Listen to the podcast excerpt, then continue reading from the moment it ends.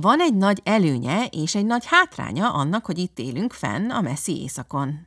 A hátránya mindenképp az, hogy csak keveset vagyunk otthon, mármint otthon, Magyarországon egyszerre, amikor meg mégis annyira sokfelé megyünk, hogy egyszerre csak icipici időt tudunk tölteni másokkal, és ez tényleg tök vacak. Ugyanennek a helyzetnek az előnye viszont, hogy amikor hozzánk jön valaki látogatóba, pont, hogy jó sokat tudunk együtt lenni, akár megmutatjuk neki kedvenc helyeinket itt Svédiában, akár csak nagyokat eszünk, játszunk és beszélgetünk ebben a még nem teljesen belakott, meg kicsit kupis, de mégis szívünknek kedves, vörösre festett házikunkban. Az évek alatt aztán feltűnt nekem valami. Ahogyan egyre többször jártak nálunk a családtagjaink, meg a rokonaink, meg a barátaink, egyre gyakrabban hallottam tőlük ugyanazt, hogy milyen mesés az életünk itt. Mármint nem csiliárdos, milliárdos mesésre gondolok, hanem inkább elvarázsolt vagy a gyerekbarát fajta mesés. Csak egy valami nem volt tiszta. Konkrétan mire is mondják ezt? Sziasztok! Gővel Nono vagyok, és ez itt a Varázsvilágok Podcast, ahol vidám véleményeket és tippeket hallhattok mesékről, játékokról és kreativitásról. Három gyerkőcömmel és rengeteg könyvvel élünk egy svéd faházban a semmi közepén, és épp a napokban volt 11 éve, hogy kiköltöztünk, akkor még csak a férjem és én ide délre Svédország éléskamrájába, Skónéba. A mai epizódból kiderül, mit is tanultunk ez alatt a 11 év alatt a svédek gyerekközpontúságáról, mi az az öt dolog, amit átvettünk a gyereknevelési szokásaikból, illetve még a ti korábban beküldött kérdéseitekre is válaszolni fogok. Vi, vagyis kezdjünk is hozzá! Hát sok-sok szeretettel üdvözlök mindenkit innen a húsgolyók és lapra szerelt bútorok, illetve egyes hozzáértők szerint agyilag sérült idióták országából. Remélem nálatok még bőven tart az indián nyár, itt épp jó svédesen zuhog az eső, de nem baj. Itt van az ősz, itt van újra, és ha már ősz, akkor ahhoz igenis hozzá tartozik a latyak és a szötymöty. De hát, mint tudjuk, nincs olyan, hogy rossz idő, csak rossz ruha, ez volt az egyik legelső svéd életelv, amit elsajátítottunk a férjemmel, amikor ide költöztünk.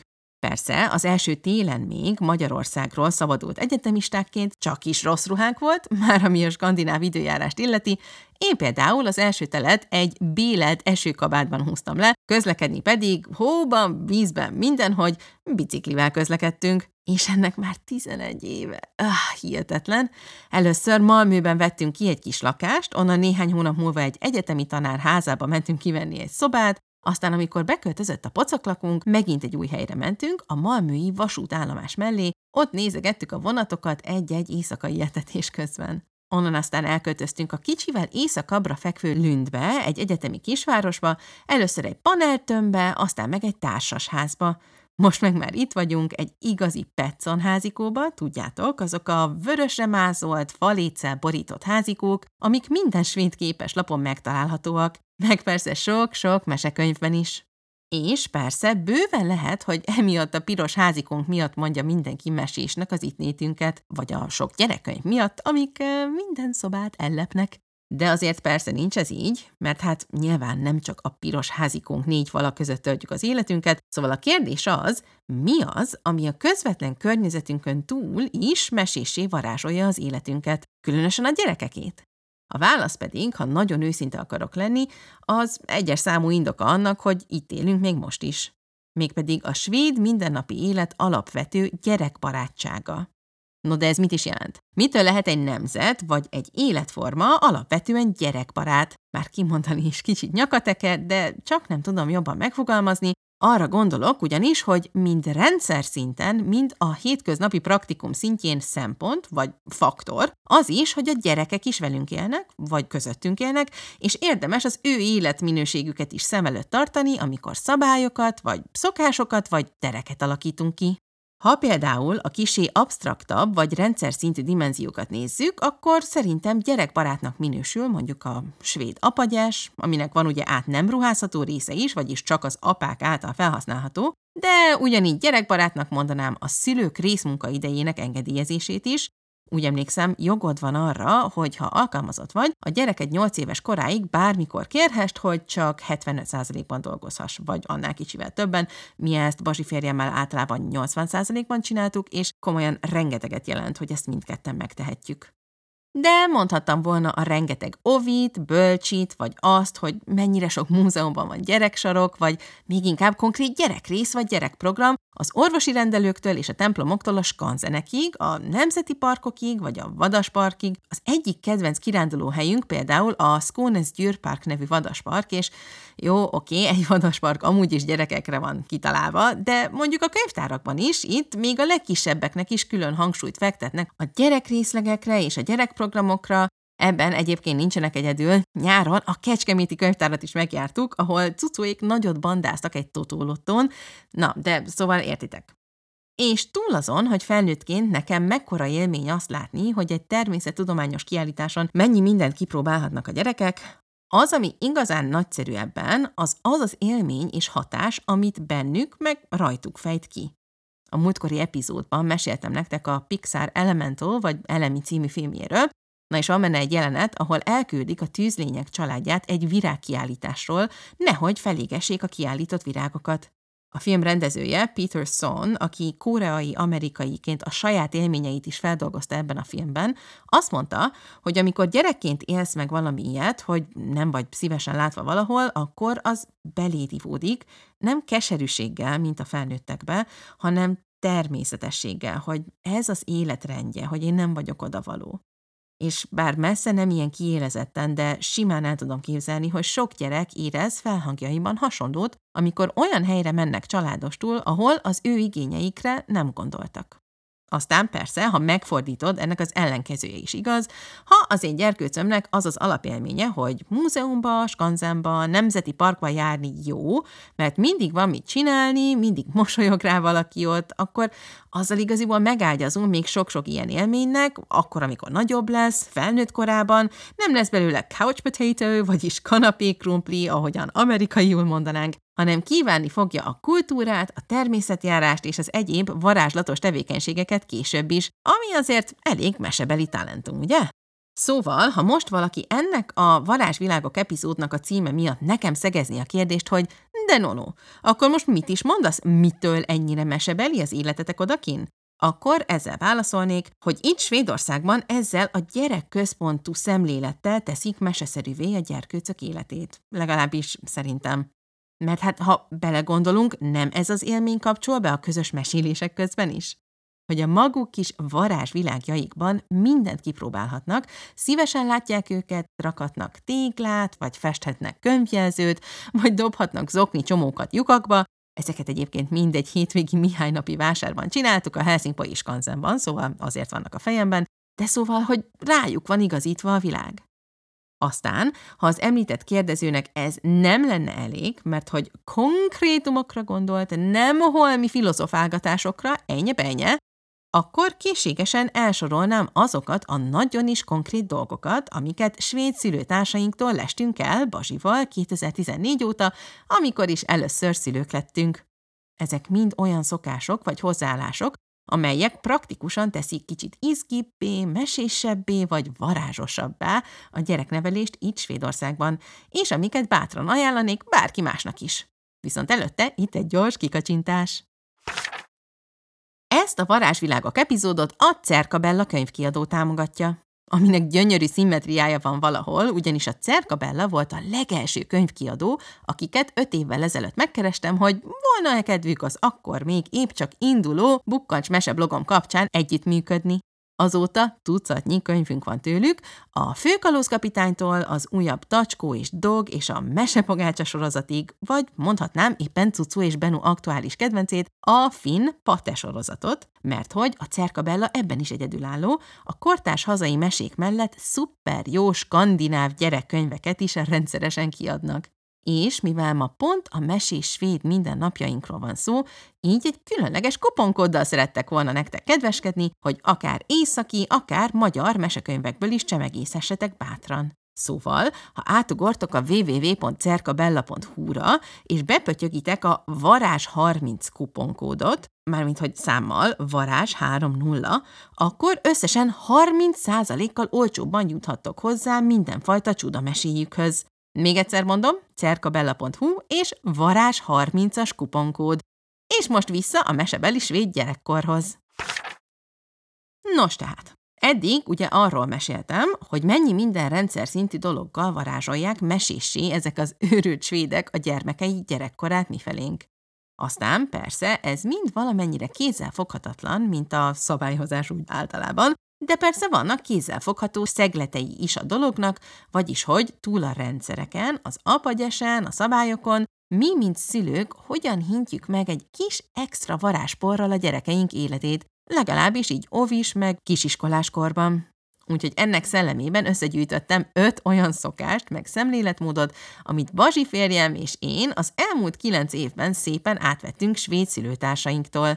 Biztos vagyok benne, hogy lesz köztük olyan, amit ti is sokan csináltok, de azért hát, ha lesz köztük újdonság, én legalábbis sejtem, hogy egy bizonyos virsli dolog ilyen lesz.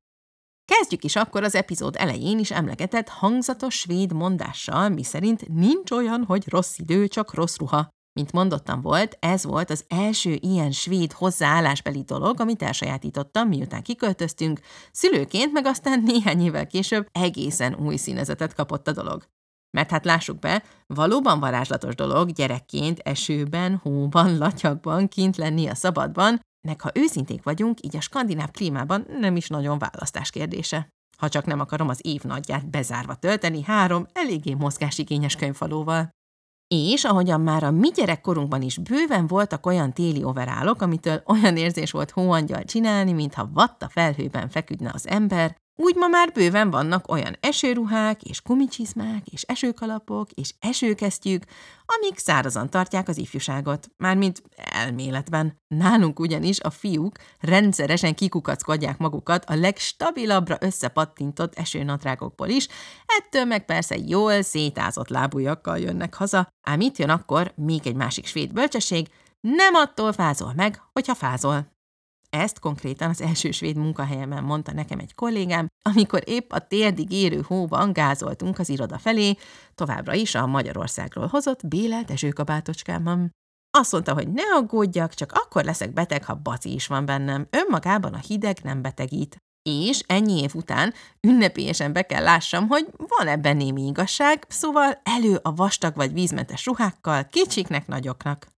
Van egy kedvenc gyerekruha márkánk ezekre a helyzetekre, a Polarno Püret, vagy Pop, de persze nyilván létezik száz magyar variáns is, és még jó, hogy. Aztán kicsit, de nem nagyon kapcsolódik ehhez a gyereksport kérdése is. A svédeknél ugyanis nagyon fontos a mozgás. Nem csak azért mennek ki az ovis csoportok minden nap az udvarra, teljesen függetlenül az időjárástól, hogy friss levegőt kapjanak a gyerekek, hanem hogy át is mozgassák őket. Már ovisként is van sok jümpa, vagyis ovistorna, vagy tánc, ha valaki kicsit kifinomultabbra vágyik. Aztán persze iskolásként már rengeteg lehetőség létezik. Amikor Cucu elsős volt, volt azt hiszem olyan osztálytársa, aki judózott meg focizott hetente többször. A foci egyébként nagyon népszerű itt északon. Volt olyan kollégám, aki a híres Zlatan focista arcképét is magára tetováltatta. Még nálunk is, hiába eléggé porfészek városka a miénk, mármint akikhez legközelebb vagyunk, mert ugye egyébként a szántóföldek között élünk, de szóval minden aprósága ellenére nagyon is aktív foci élet van itt a városban az ifjúságnak. Az elmúlt másfél hónapban szerintem hat hétvégi meccsen vettünk részt Benú és Cucuj miatt, hogy más nem mondjak, és van valami, amit szintén megfigyeltem, foci élet ide vagy oda, a versenyszellemet abszolút übereli a csapatszellem az ilyen meccseken meg mármint ami az értékelést illeti. Vagyis, oké, okay, hogy vannak a meccsek, meg többnyire számon is tartják azt, hogy melyik csapat mennyivel vezet, de nem csinálnak belőle hatalmas vasszisztaszt. Az egyik meccsen például a legnagyobb dicsőség az volt, hogy a végén mindkét csapatból egy-egy gyerek kaphatott egy zöld kártyát a csapatjátékosságáért. Benú is kapott egyet, rettenetes büszkén jött haza, olyan jó volt látni. Szóval sokkal inkább a sport és a csapatszellem járnak párban, legalábbis ahol eddig mi sportoltunk, vagyis hogy a gyerkőcök, mint a versengés.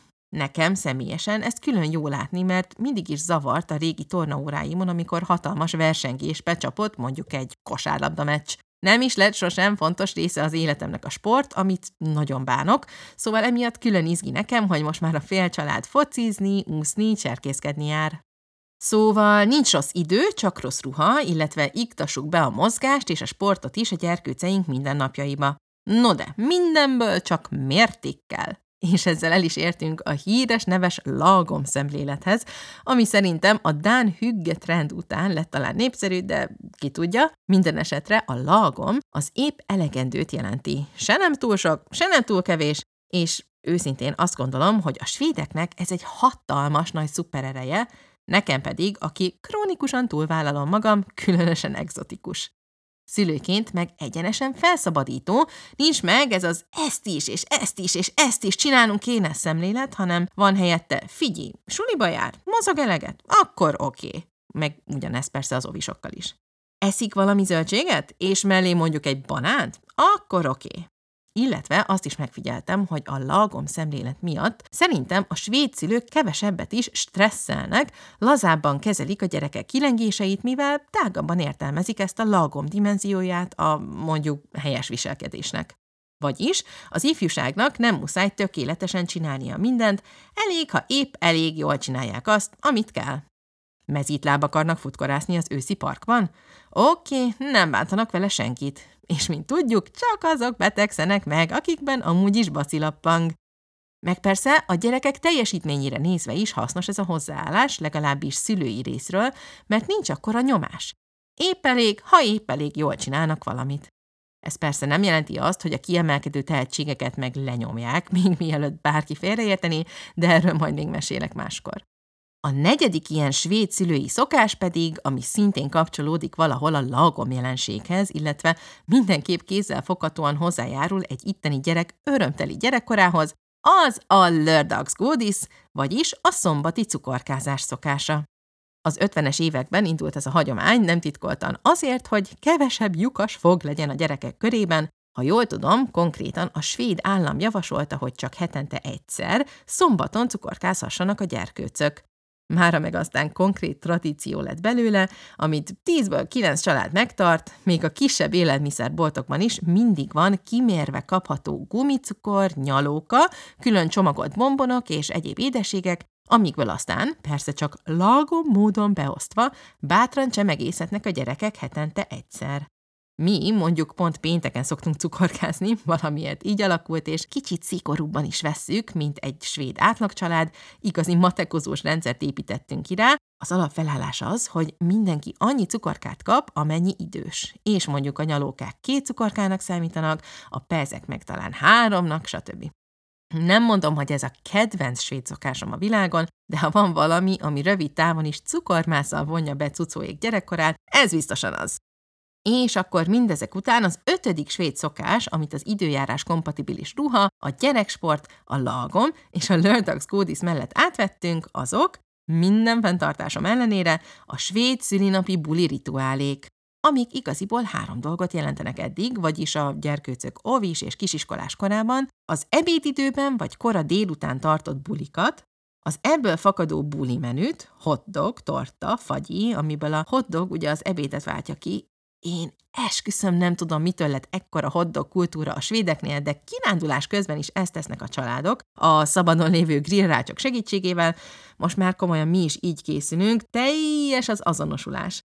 Na de szóval leggyakrabban hotdogokkal készülnek a szülinapi bulik házigazdái is, aztán meg a bulik végén tipikusan van egy fiszkedám, vagyis horgászós játék, amikor is minden gyerek egymás után megfog egy nagy botot, a végén egy kampóval, mint egy rögtönzött horgászbot, értitek? Aztán átnyúlnak vele egy kifeszített lepedőn, és egy elrejtett apuka vagy anyuka segítségével kifognak onnan egy cukorkás zacskót.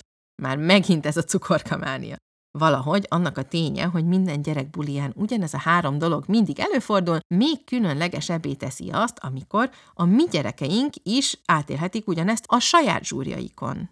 Nálunk legalábbis a fiszkedám volt az idén, amit Benu a legjobban várt a szülinapi buliából. Bár persze, hotdogból is ipari mennyiséget fogyasztottak a barátaival. Ezek azok a dolgok tehát, amivel mi, mint szülők, teszik olyan svédesen mesésé saját lókötőink gyerekkorát. Ahogy mondtam, nincs bennük semmi ördöngösség, és bőven lehet, hogy néhányat már most is csináltok közülük, no de akkor ennek szellemében következzenek most a ti kérdéseitek arról, milyen is Svédországban élnünk már ennyi ideje. Egy újabb gyors kikacsintás után. Ezt a varázsvilágok epizódot a Bödön Box is támogatja. Képzeljétek, amikor júliusban megjártuk a 40 fokos Magyarországot, megvendégeltem magam egy Bödönbox ajándékdobozzal, mert úgy gondoltam, megérdemlem. És mert előtte már annyi csodáltam Instagramon, meg aztán a hírlevelükben a szépséges színpompás dobozaikat. Na meg azt is, ami bennük van. Én végül egy mangószörpös, madagaszkári csokis dobozt vettem, amiben még egy névnapi mézes kalács is volt, ezt a pont névnapozós hugom kapta, aki szerint szuper finom volt. De maga a boxélmény annyira nagy hatással volt rám, hogy rögtön meg is kerestem Renit, a Bödönbox létrehozóját, és megkérdeztem, nincs-e kedve itt a varázsvilágokban is összefogni kicsit. Aztán egyik ötlet a másikat követte, és annyit már most elárulhatok, hogy valami igazán izgibe kezdtünk közösen, ami nem sokára kiderül, addig viszont menjetek és nézzetek körbe a Bödönbox házatáján, ott vannak Instagramon, TikTokon, meg persze a www.bödönbox.hu-n, és ha ti is meglepnétek magatokat, a páratokat, a barátnőtöket vagy a kiskutyátokat egy ilyen igazán egyedülálló ajándékdobozzal, tele a legmenőbb hazai termékekkel, házi szörptől popcornig, gyertyákig, meg craft sörökig, akkor most a varázs 10 kuponkóddal 10%-kal olcsóbban csaphattok le mindegyik dobozra. Úgyhogy szaladjatok is boxolni a bödönbox.hu-ra, most pedig vissza a mesés mindennapjainkhoz. Tehát akkor néhány napja megkérdeztem Instagramon és Facebookon, ti mire lennétek kíváncsiak mesebeli svéd életünkről, és szerencsére be is érkezett jó néhány kérdés, úgyhogy köszönöm az érdeklődést, igyekezni fogok gyorsan most megválaszolni mindent, lesz köztük mesés kérdés, praktikum, személyesebb, lehet majd szemezgetni. Kezdjük is egy erősen témába vágóval, a svédek hogyan állnak az olvasással, sokat olvasnak-e, vagy már ott is gond van.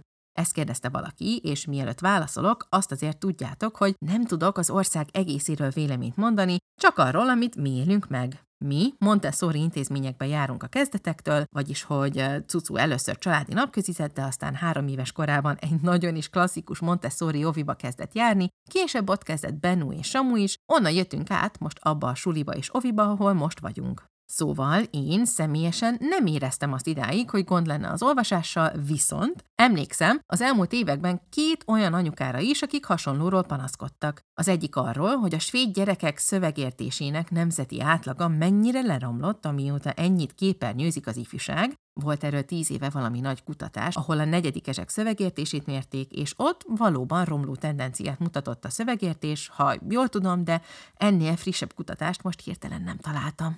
A másik anyukának pedig rossz élménye volt, amikor a gyereke olvasni tanult az iskolában, mert túl gyorsan haladtak az osztályban, úgy érezte.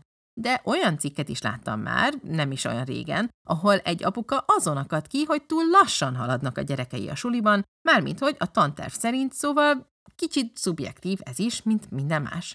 Ami minket illet, a saját gyerekeim történetesen pont a gyorsabban olvasók közé tartoznak, azt tudom, hogy mondjuk Benunak volt olyan ovistása, aki még semmi sem tudott kiolvasni az ovi végére, miközben Benu már simán betűzött, de ebből senki nem csinált problémát. Nem szóltak rá a barátjára, hogy ennyi ennyi tessék otthon gyakorolni, egy itteni barátnőm szerint az első osztályban, ami otthon a második osztálynak felel meg, mert itt az első osztályt ovis osztálynak, vagyis first school classnak hívják, szóval az első osztályban van egy felmérés, ahol egy alapelvárás szerint értékelik a gyerekeket, mármint olvasás szempontjából. De őszintén nem emlékszem ilyesmire cucu elsős korából, ettől még persze bőven lehet, hogy előfordult, meg egyébként is szerintem ez nagyban múlik azon, hogy mennyit olvasnak otthon is a gyerekeknek. Ahol eddig jártunk, már mint barátok házainál, ott mindig sok gyerekkönyv volt, ami mondjuk szuper, szóval összességében szerintem nincs akkora nyomás mindenkin, hogy mielőbb megtanuljanak olvasni, mint mondjuk néhány más országban, de azért olvasnak otthon is.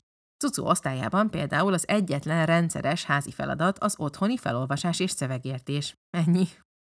Kicsit ehhez kapcsolódik a következő kérdés, legalábbis a mi esetünkben, hogyan segíti a gyerekek nyelvtanulását a rendszer, és a mi gyerekeink hogyan lettek háromnyelvűek. Na most, először is a mi gyerekeink inkább két és fél nyelvűek, mint három nyelvűek, mert azért angolul mégsem beszélnek anyanyelvi szinten, bármennyire várom már azt a pillanatot. Az meg, hogy miért lett ez így, igaziból kicsit az én saram, nekem személyesen fontos volt, meg fontos most is, hogy a svéd és a magyar mellett stabilan tudjanak angolul is, mert hát lássuk be, a svéd sem, meg a magyar sem éppen világnyelvek, Praktikusan ezt igaziból annyival segítettem elő, hogy amikor először kezdtünk itthon rajzfilmezni, lásd korábbi Digi Mesés epizód, akkor angolul néztük a kedvenc rajzfilmjeinket, illetve ha a barátainkkal találkoztunk, ott is hallhatták, hogy angolul beszélek velük. Meg az előző óviukban is volt mindig egy angolul beszélő óvónő, mármint nem egy angol tanár, hanem egy külföldről jött óvónéni, aki angolul kommunikált velük.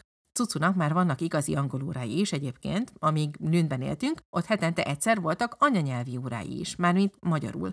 Volt erre lehetőség, itt sajnos, ahol most vagyunk, erre nincs kapacitás, de szóval, ami a nyelvtanulást illeti, ha arra gondolunk, a külföldi gyerekek svédül tanulását hogyan segíti a rendszer, igaziból annyival, hogy svédül beszélnek velük oviban, meg iskolában, és nem nézik hülyének őket, ha nem megy nekik rögtön a svédül kommunikálás, a sok külföldi miatt, akik itt élnek, ez igaziból nem számít soha meglepőnek. Ha pedig a különböző anyanyelvekre való tanításra gondolunk, akkor meg ezzel a Mother Smalls dologgal, vagyis az anyanyelvi órákkal, amiket említettem az előbb, azzal igyekeznek a saját nyelvek tudását elmélyíteni.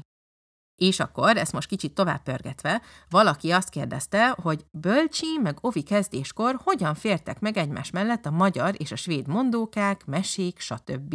Érdemes elkérni az oviból a svédeket, mármint a svéd mondókákat és meséket. Ehhez érdemes ugye azt fejben tartani, hogy itt Svédországban általában másfél-két éves korúban kezdik a gyerekek az ovit, ami igaziból persze bölcsi, de itt egy intézmény mind a kettő, amit first school hívnak, szóval mi egyszerűség kedvéért ovinak szoktuk mondani, és igen, ott valóban javarészt svéd mondókákkal találkoznak a gyerkőcök. De ha mondjuk előtte volt az ember ilyen svéd ringató vagy baba foglalkozáson, ott már úgy is találkozik, vagy legalábbis én találkoztam, a legalapvetőbb svéd mondókákkal, a lillekattal, a lillesznégellel, sőt még az erdő szélén házikó svéd verziójával is, aminek emlékszem, nagyon megörültem annó, hogy ennek legalább a dallamát ismerem. De például éneklik a Blinka Lilla Huernát is, ami az angol Twinkle Twinkle Little Star-nak a fordítása, meg a Wheels on the Bus-t is svédül éneklik, szóval sok az átfedés. A kérdése válaszolva, nálunk, mármint a mi családunkban, megfért minden, talán azért, mert mindhárom gyerkőc azt tapasztalta, hogy otthon magyarul, az oviban svédül énekeljük ezeket a dolgokat, és akkor ezt csinálták ők is. Aztán persze elbüszkélkedtek a svéd tudásukkal otthon is egy idő után, de ez önmagában nem okozott problémákat. Ja, és rengeteg svéd babamondókás könyv van, ha bárkit érdekel, szívesen küldök tippeket. És ha már ennyit beszéltünk az ovikról és az iskolákról, akkor kisé máshonnan rátekintve ugyanerre a kisgyerekes korszakra, valaki azt kérdezte, hogy a kisváros kisgyerekekkel mennyire élhető, az ingatlan vásárlás bonyolult-e. Amire csak azt tudom mondani, igen, az ingatlan vásárlásnak van egy művészete, alapvetően felfelé licitálnak az emberek, nem lefelé, mint otthon, és csak banki engedéllyel licitálhatsz, ha az nincs meg, érvénytelen a licited. Sajnos volt ilyen tapasztalatunk, de se baj, mert a Peconház licitjét már mi nyertük. A kisvárosokat nagyon szeretjük, már mint persze mindegyik más és más, de mindegyik bájos a maga módján, mondjuk a miénk inkább kicsit poros, mint bájos, de nem baj. Alapvetően a svéd életmodell nagy vonásokban az, hogy felnövünk, megismerkedünk a párunkkal egy nagyvárosban, családot alapítunk, megházasodunk és kiköltözünk egy olyan kisvárosba, ahonnan könnyű bejárni egy nagyobb helyre, hogy dolgozni is tudjunk.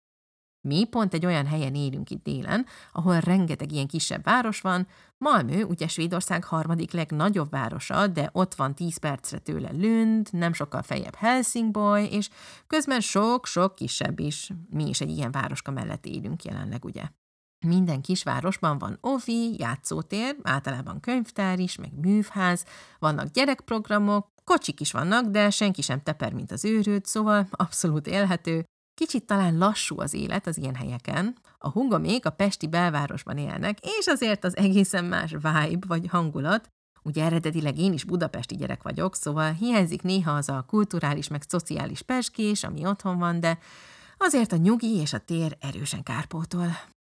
Apropó kisvárosi élet. Valaki kérdezett a közbiztonságról is, pláne az utóbbi időben, hogy hogyan éljük meg. És nagyon vicces, mert pont egy éve beszéltem ugyanerről Instagramon, amikor egy régi ismerős megkérdezte, hogy mennyire veszélyes Malműbe látogatni nyáron, nem fogják-e megkéselni az utcán. Amire én készségesen elmeséltem, hogy Nézd, évek óta Malműbe járok dolgozni, eddig még sosem éreztem veszélyben magam, Lündben aztán pláne nem. Szerintem egy éjjeli 4-es 6 járaton Budapesten jobban izgulok, mint amikor Malműből vagy Lündből jövök haza, szóval aggodalomra szerintem nincs semmi ok. Jó, ez nem teljesen igaz, mert amikor egyszer a sötétben jöttem haza, a negyed órányira lévő buszmegállónktól, akkor kicsit féltem, de csak azért, mert nem volt semmi közvilágítás, és nem akartam, hogy valami vaddisznó megszagolgasson. Szóval a közbiztonságra alapvetően egy szavam se lehet, és ezt az elmúlt 11 évünkre értem fenntartások nélkül. Na és ha már a sötétet emlegettem, valaki azt kérdezte, mennyire van sötét télen, és hogy csak angollal lehet-e munkát találni. Na most mi itt Svédország egészen déli részén vagyunk, szóval még a tél közepén is van konkrét nappal, meg éjszaka. A fények persze kicsit tompábbak, de nekünk pont nem annyival másabb, mint Magyarországon telelni. Az pedig, hogy a gyerekek sötétben mennek oviba és suliba, és utána ugyanúgy sötétben érnek haza, az furcsa az elején, de meg lehet szokni. Nyilván fent éjszakon, mondjuk Kirűnában, ez teljesen más élmény, de azért kialakultak nagyon kedves kis szokások ezzel kapcsolatban itt Svédiában. Például az emberek rendszeresen raknak lámpákat, meg fényeket az ablakba, nem csak karácsony előtt, bár akkor aztán pláne. Sok a kandalló, a gyertya, szóval nagyon kis műszig, azaz kuckózós, összebújós hangulat szokott itt lenni a sötétebb évszakokban is. De azért persze meg kell ezt szokni. Hallottam már Svédországba költözött külföldiektől, hogy mindig az első tél a legnehezebb, ezért érdemes kicsit korábban költözni, hogy legalább ne rögtön azzal indítson az ember. Ami a munkát és az angolt illeti, Hát nyilván a svéddel sokkal több lehetősége lesz az embernek, viszont a klasszikus multis cégeknél, meg állásoknál, igen, az angollal szerintem el lehet helyezkedni. Én abszolút minimális svéd tudásommal kezdtem dolgozni az IKEA egyik cégében, amikor kiköltöztünk. Nem volt könnyű, mert mégiscsak egyszerűbb lett volna svéddel beszélni másokkal, meg mindenki svédül beszélt egymás közt mondjuk a szünetekben, de a munkámat nem hátráltatta. Azért mondjuk, ha orvosnak, vagy masszőrnek, vagy mit tudom én, ilyesminek jön az ember, oda azért kelleni fog a svéd tudás is. A legtöbben persze az emberek közül beszélnek angolul, pláne városi környezetben, de azért nem mindenki. Valaki azt is kérdezte, nem jönnénk-e vissza Magyarországra. Ez önmagában hosszú téma, szóval nem fogok most hosszan belebonyolódni, de röviden nem tartom se kizártnak, se valószínűnek, legalábbis most nem. De mindig élmény hazamennünk, és mindig nehéz visszajönni onnan, különösen a gyerekeknek. Végül pedig két kedves kérdés. El tudunk-e járni Bazsi férjemmel randizni, vagy máshogy töltekezni? Mármint a külföldi lét spektrumából nézve, gondolom, bár ha jól vettem észre, még közelben lévő nagyszülőkkel vagy rokoni segítséggel sem megy ez mindig könnyen, de szóval nem, nem nagyon tudunk eljárni ketten, nem akarok hazudni, viszont agyalunk azon, hogy ez hogyan változzon. Szerencsére sokat dolgozunk itthonról mindketten, szóval valószínűleg az esti vagy hétvégi programok helyett napközben kéne valamit megszervezünk, fel is van írva a véget nem érő tudulistákra. De ez sajnos tényleg egy olyan dolog, amit szerintem nehezebb megoldani így, távolabb mindenkitől. Persze, amikor látogatóink vannak, néha el szoktunk szaladni olyankor moziba, vagy valami más programra, szóval nem kell nagyon sajnálni minket. Végül, de nem utolsó sorban pedig valaki azt kérdezte, merre szoktunk kirándulni, milyen erdőkbe meg parkokba szoktunk menni. Itt pedig az elmúlt évben egészen nagyra bővült a listánk, szerencsére egy nagy nemzeti park, a Söder Rosens Nahunal Park itt van tőlünk 10-15 percre, szóval leggyakrabban talán oda megyünk, de van ugye a Skånes Gyűrpark Vadaspark, amit korábban említettem, meg Helsingborgban is van egy nagyon gyerekbarát kastékert, a Sofiero, meg kicsit messze van egy Bófőkloszter nevű hely is, és aztán van még persze a tengerpart is elég közel, sok helyen, úgyhogy na, határozottan el vagyunk kényeztetve. És legyen is ez a végszó. Remélem, sikerült kellően színes képet festenem arról, miért is érezzük itt, többnyire, mesésen magunkat, mindenfajta politikai felhangtól mentesen, legalábbis legtöbbször, és hogy a svédek gyerekközpontúsága hogyan nyilvánul meg rengeteg kisebb és nagyobb döntésben, körülményben, szokásban. Ezt kívánom mindenkinek szerte a világon, egy kis lagomot, hottoggal, mértékkel kimért gumicukorral, apagyessel, Világot nem fognak váltani, de szerintem pont azt az extra csipet varázslatot adhatják hozzá a gyerkőceink élményeihez, amitől aztán felnőttként is mindig zsizsegni fognak a fejükben, meg a szívükben a gyerekkori emlékek. Most pedig ennyi szóbeszéd után jön megint egy kis mese. Ezúttal egy délutáni ovis kalandról, amikor egy csapat gyerek felfedez egy kíváncsi fát. De aztán mi történik? Jó mesehallgatást, könyvfalók!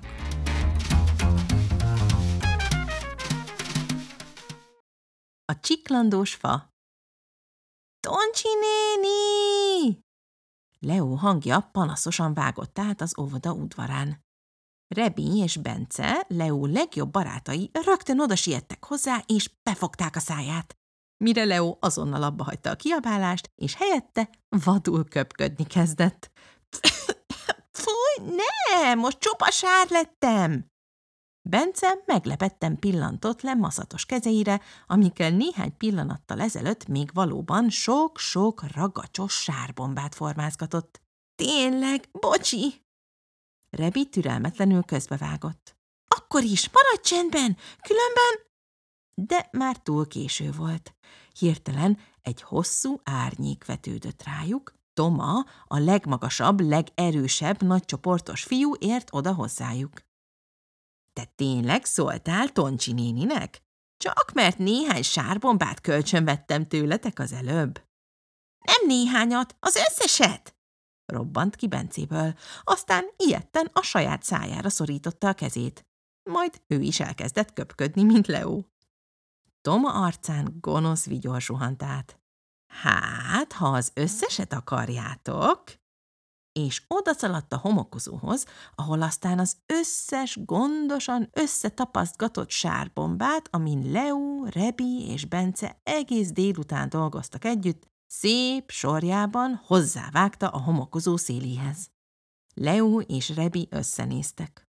Tudták, hogy semmi értelme nem lenne Toncsi nénihez szaladni, Toma úgy is megelőzné őket, és egyébként is a sárbombák attól ugyanúgy sárkupacok maradnának. Bence felsóhajtott. Gyertek, mutatok valamit! És a három ragacsos kezi jóbarát eloldalgott a homokozótól legmesszebb eső udvarcsücsökig, ahol egy öreg, hajlott, szomorú fűz állt egymagában. Bence kézen fogta Rebit és Leót, és behúzta őket a fűzfa földig érő ágai mögé. Múltkor ide rúgtam egy labdát, és amikor jöttem érte, hallottam valamit. Rebi összevont szemöldökkel nézett rá. De mit? Bence kisé elvörösödött, és Leóra nézett biztatásért. Hát, hát olyan volt, mintha, mintha a fan nevetni kezdett volna, tessék! Leo meglepődve nézett Bencéről a mellettük görnyedő fűzfa törzsére. Nevetett a fa? Bence bólintott. Rebi meg elgondolkodva bámulta a fa törzset. Aztán a gyökerekre mutatott. De vicces! Nézzétek, olyanok, mint a lábújak! És lehajolt a kisé tömzsi és vaskos gyökerekhez, hogy megsimogassa őket ám amikor hozzájuk ért, egy mély, öblös kacagást hallottak hirtelen a fatörzs irányából. A gyerekeknek elakadt a lélegzete. Aztán Leo és Bence rögtön oda gugoltak Rebi mellé. Csináljuk még egyszer! sürgette Leo a társait, és azzal mindhárman tétován a gyökerekhez értek, és megcsiklandozták őket. Az öblös kacagás most még erősebben hallatszott a fatörzs felől. Rebi is hangosan nevetni kezdett. Aztán felsikkantott, amikor egy mérgesen csipogó madárka hirtelen odaszállt eléjük, és dühösen csapkodta ide-oda a szárnyait. – Jaj, mit akar? – kérdezte a fiúkat. Leo tanácstalanul bámulta a madarat. Bence viszont kíváncsian figyelte, ahogyan jobbra-balra szádosott előttük. Kicsit úgy néz ki, mint anya, amikor rám szól, mert valamit megint kiöntöttem a nappaliban, jegyezte meg. Aztán ilyetten kapaszkodott bele a barátaiba, mert a fűzfa ágai egyszer csak oda gyűltek köréjük, körbefogták őket, aztán gyengéden felemelték a három jó barátot a lombkorona tetejéig. A mérgesen csipogó madárka szintén elkísérte őket, ám amikor a fa tetejéhez értek, elhallgatott, és némán röppent oda egy kis fészekhez a legsűrűbb ágak tövénél. Hát ez volt a baj, látjátok? Alszik a családja, súgta oda Leo Rebinek és Bencének. Aztán ágaskodni kezdett, hogy jobban lássa az icipici fiókákat, akik a madárfészekben egymás hegyén hátán szuszogtak csendesen. És nem akarta, hogy a fa felébresze őket a nevetéssel, bólintott bölcsen Rebi. Aztán nagyon halkan mégis kuncogott egyet, amikor látta, hogy az egyik fióka álmában tátogni kezd, mint aki nagyon éhes. Bence hátra nézett. A fűzfa tetejéről könnyen be lehetett látni az egész ovi udvart. A játszadozó gyerekeket, az uzsonnához készülődő óvónéniket. Még Tomát is kiszúrta, aki egymaga áldogált még mindig a homokozó mellett, rossz rúdosva a szétplacsantott sárbombák maradványait. Lassan mennünk kell, súgta halkan a többieknek, a fa pedig, mintha csak hallotta volna, amit Bence mondott, lassan ereszteni kezdte őket az ágaival együtt lefele. Amikor földet értek, Leo még egyszer utoljára végig simított a fa törzsén. Majd még jövünk vissza, ígérte meg a fának. A fatörzs felől pedig egy utolsó, igazán halk hümmögés hallatszott. A következő pillanatban meg is szólalt az udvari uzsonnacsengő, és már Toncsi néni hangját is hallották messziről. Gyerekek, gyertek enni! Leo, Rebi és Bence már futottak is az ovi felé. Útközben mindhárman észrevették, ahogyan Toma még mindig egymaga áll a homokozónál. Rebi oldalba bökte a két fiút. Aztán elkanyarodtak az irányába. – Mit akartok már megint? – szólt hozzájuk savanyúan Toma. De valahogy kevésbé tűnt ijesztőnek, mint korábban. A három jó barát egymásra nézett, aztán Bence lehajolt, gyakorlott módon összetapasztgatott egy utolsó sárbombát, és Toma kezébe nyomta. Tessék!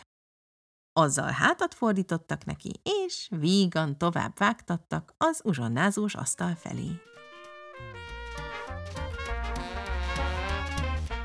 Volt mese, nincs mese, de persze lesz még megint jövő héten, amikor is egy újabb kedves vendégemmel fogok beszélgetni a gyerekműhelyek és az alkotás különböző csodáiról. Addig is remélem jól esett hallgatni ezt a mai Varázsvilágok epizódot. Ha bármi kérdésed vagy gondolatot támad, írd meg nyugodtan a varázsvilágok e-mail címre, vagy keres meg Instagramon, Facebookon, bukkancsként mindenhol megtalálsz. Van hírlevelem is, amiben értesítőktől mese ajánlókig mindent is beleágyazok. A www.bukkancs.hu oldalon arra is feliratkozhatsz, ha pedig támogatni szeretnéd te is ezt a podcastet, és letölteni az itt hallott meséket magadnak, a Patreonon megtalálsz. Addig is köszönöm megint csak férjemnek, Gővel Balázsnak a munkáját és a kitartását, Almási Márton öcsémnek a szignálzenét, Török Juttának a szín, pompás grafikákat, és mint mindig, neked is a figyelmet. Találkozunk jövő héten, addig is mesés hetet kívánok! A Varázsvilágok Podcast média támogatója a Minimag Lifestyle magazin. Senkit nem hajnak unatkozni.